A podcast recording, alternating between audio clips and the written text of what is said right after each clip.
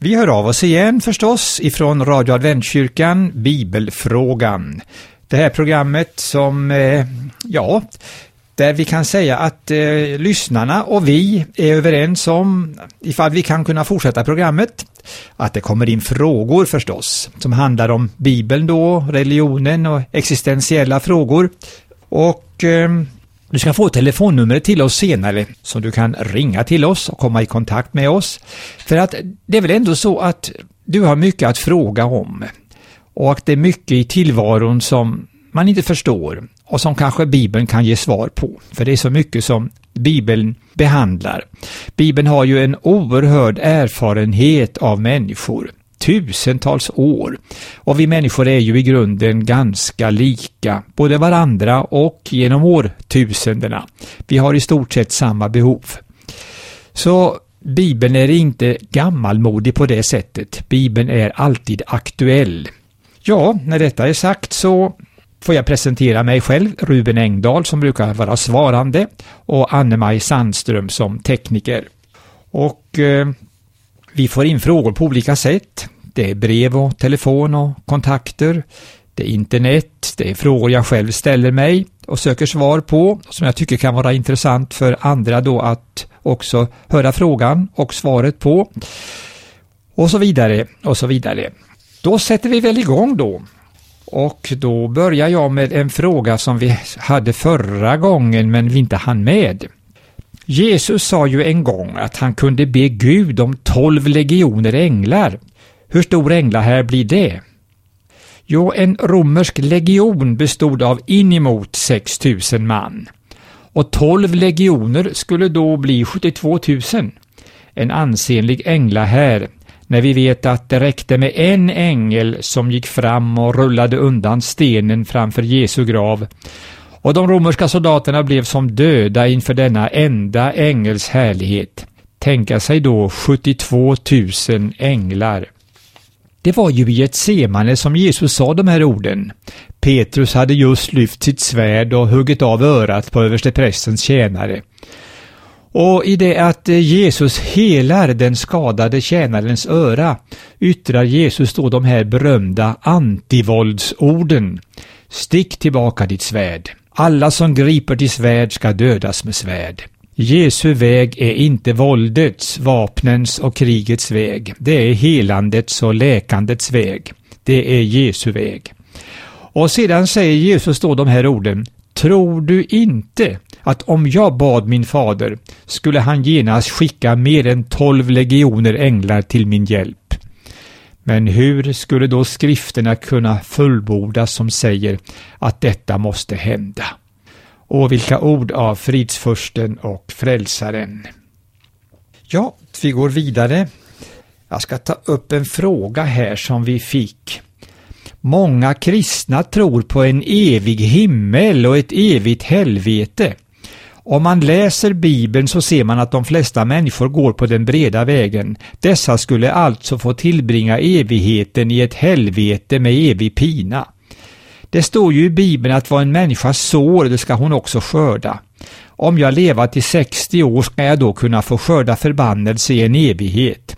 Om jag sår 100 majsplantor så kan jag ju inte få skörda obegränsat med majskolvar. Jag får skörd efter vad jag sått.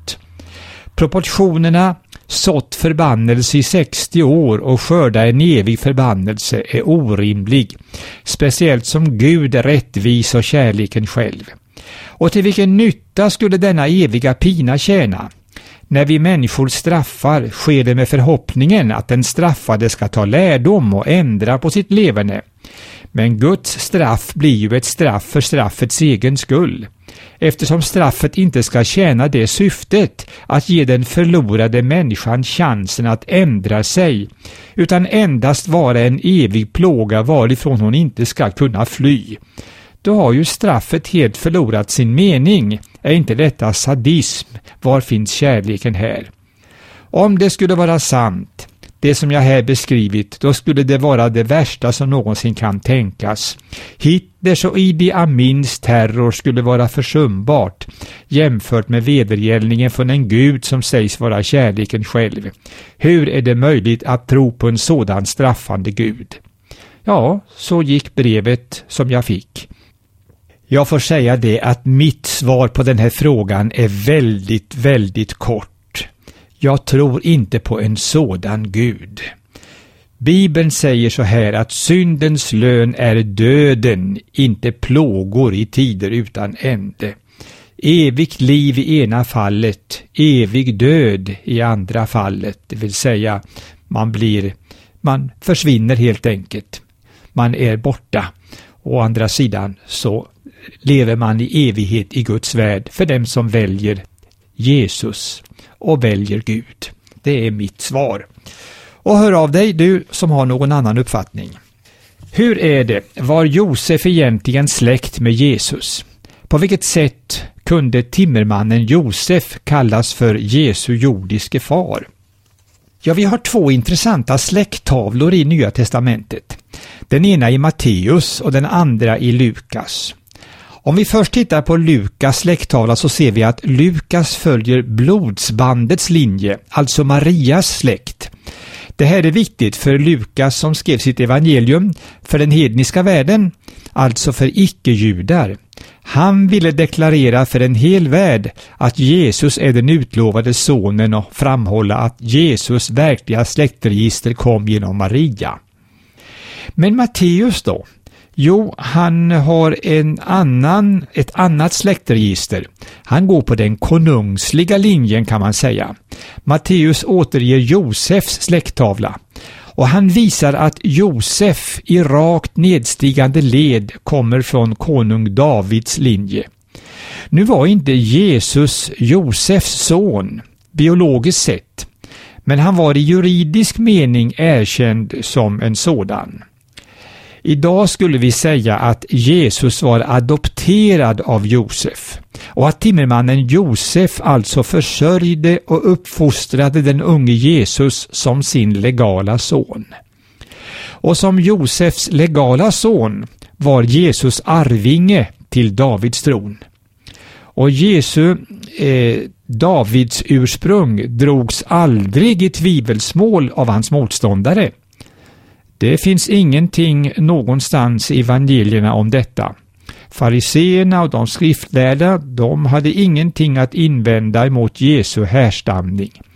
Därför kan vi säga så här att släkttavlan hos Matteus, det är ett juridiskt dokument som ska stadfästa arvsrätten, inte i första hand härstamningen.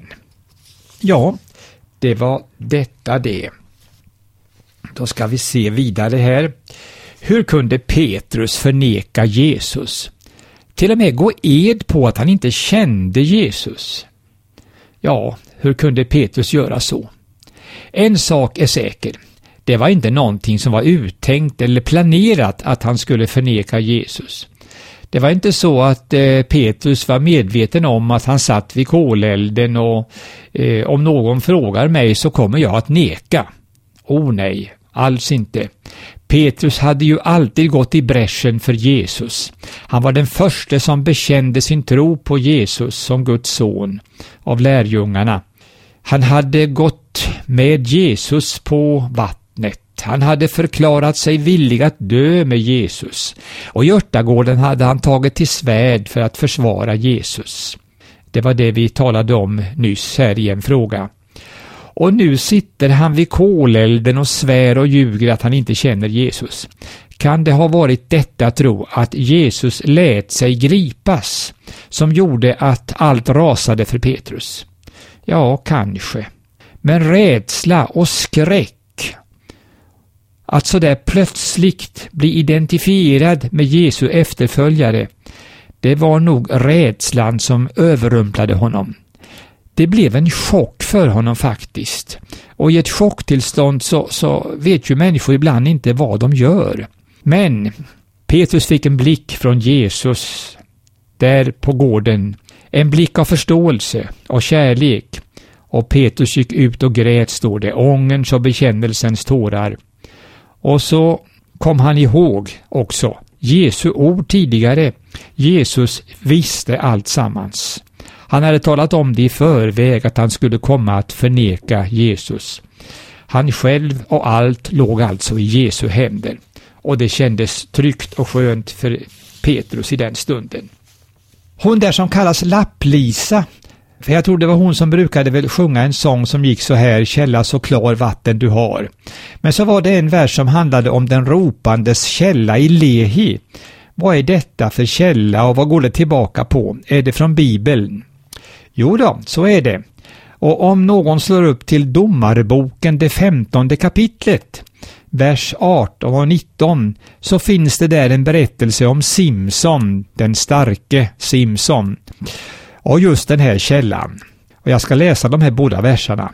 Men då han, Simson, därefter blev mycket törstig, ropade han till Herren och sa du själv har genom din tjänare givit denna stora seger och nu måste jag dö av törst. Då lät Gud fördjupningen i Lehi öppna sig och därur gick ut vatten så att han kunde dricka. Och hans ande kom tillbaka och han fick liv igen. Därav kallades källan den ropandes källa i Lehi, som den heter än idag. Ja, ja i varje fall så är det det som den här versen och den här sången handlar om. Alltså Domarbokens femtonde kapitel. Vi hinner med en fråga till. Varför omtalas Jesus alltid som så idealisk? Gjorde han aldrig något fel? Blev han aldrig arg? Han var ju i alla fall en människa. Jo då, Jesus var sant mänsklig, det är riktigt, men inte bara det. Han var också Guds son. Jesus gjorde aldrig fel. Han var aldrig kärlekslös. Han gick aldrig till överdrift, han var aldrig överilad. Jesus blir misslynt och besviken ibland, men det är ju inget fel i och för sig. Han blev till och med förargad, men inte heller det är fel. Man måste få lov att reagera mot orättvisor och sådant. Eh, så att eh, till exempel när barnen visade sport då blev Jesus misslynt på lärjungarna och sa så får ni inte göra, låt barnen komma till mig. Och Herodes, den förskräcklige tyrannen, som hade avrättat Johannes döparen och så vidare, han kallade Herodes för den räven vid ett tillfälle. Det var säkert en träffande beskrivning. Och eh, flera gånger kan vi se hur Jesus är förtvivlad över folks hårdhet. Så att eh, Jesus eh, kunde vredgas, visst, och det står i Bibeln vredgas men synda inte. Så Jesus reagerade på många sätt men han syndade inte, syndade aldrig, gjorde aldrig något orätt, inte mot människor. Det var förhållanden ofta som Jesus reagerade mot. De förskräckliga förhållanden som människor levde under. Och när han grät vid Lazarus grav så var det just detta döden, eländet, allt som drabbat människan.